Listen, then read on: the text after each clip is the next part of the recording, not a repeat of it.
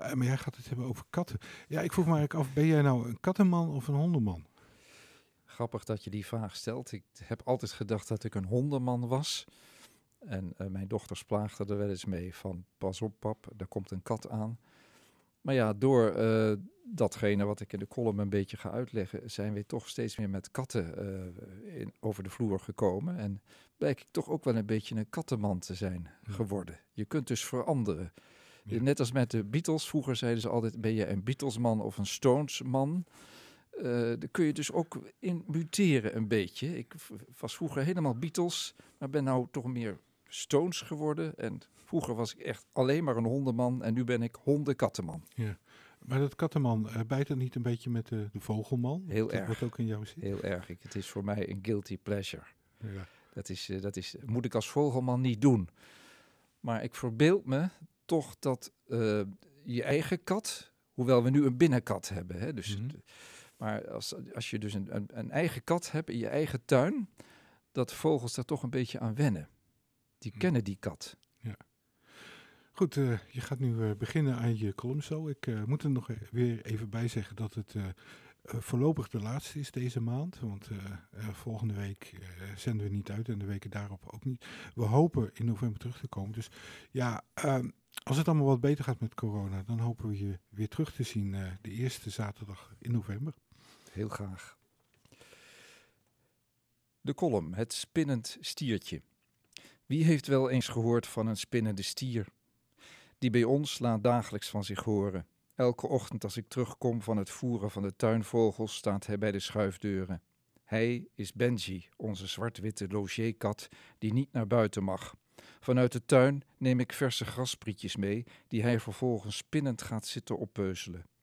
Voor een dertienjarige kater is Benji speels, dus trek ik een uurtje per dag een veter voor hem uit, werp hem een beertje toe of rol een walnoot over de vloer. Dan ploft hij lang uit voor mijn voeten neer en wenst meneer geknuffeld te worden. Minutenlang. In het verleden spraken Marijke en ik af dat we geen huisdieren zouden nemen. Ziekte of dood van zo'n dierbaar huisdier zou te veel stress opleveren voor onze kinderen. Maar toen we een konijn kregen als verjaardagscadeau, was de ban gebroken. Er kwam een tweede konijn, want alleen is maar alleen, een poesje, een tweede poesje, een hondje. Er kwamen kittens en pups. We hechten ons, lachten om hun speels gedrag en huilden als er een diertje doodging of verdween. En nu, vele jaren later, nu de kinderen al lang uit huis zijn, zijn we altijd bereid om op de dieren van anderen te passen.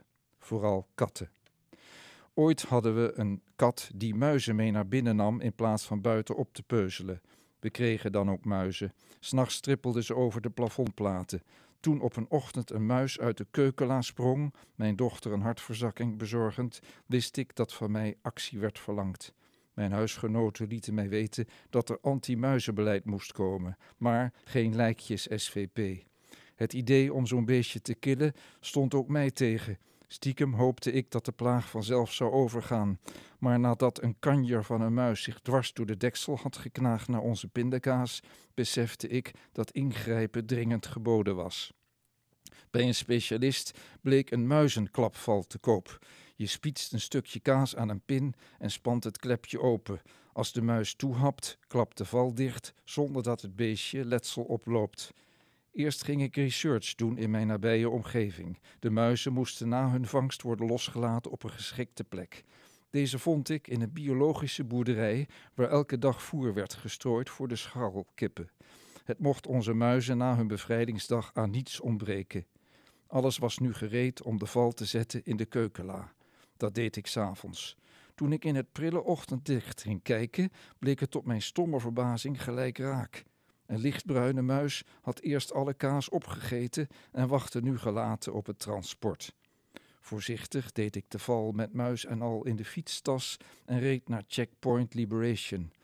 Vlak voordat ik het klepje wilde openzetten, bekeek ik het muisje nauwkeurig.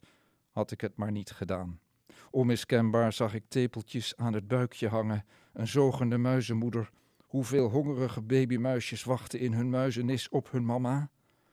Toen ik na mijn ochtendritje zo stil mogelijk in bed gleed naast mijn wederhelft, hoopte ik vurig dat zij bleef slapen. En, hoorde ik haar stem naast mij, heb je de muis weggebracht? Dat is één muisje minder, loog ik. Te laf om op te biechten dat ik het muisje losliet in onze keukenla. Benji, onze logeerkat, maakt me wakker uit mijn beslommeringen. Elke ochtend springt hij op de piano die standaard open staat. Dan speelt hij een sonatine, ingezet op de lage tonen en klimmend naar boven. Na alle toetsen te hebben belopen, geeft hij een kopje aan de piano. Dan gaat hij liggen en perst er met zijn achterpootjes nog twee superhoge toontjes uit. Zijn groene, half toegeknepen ogen kijken me aan.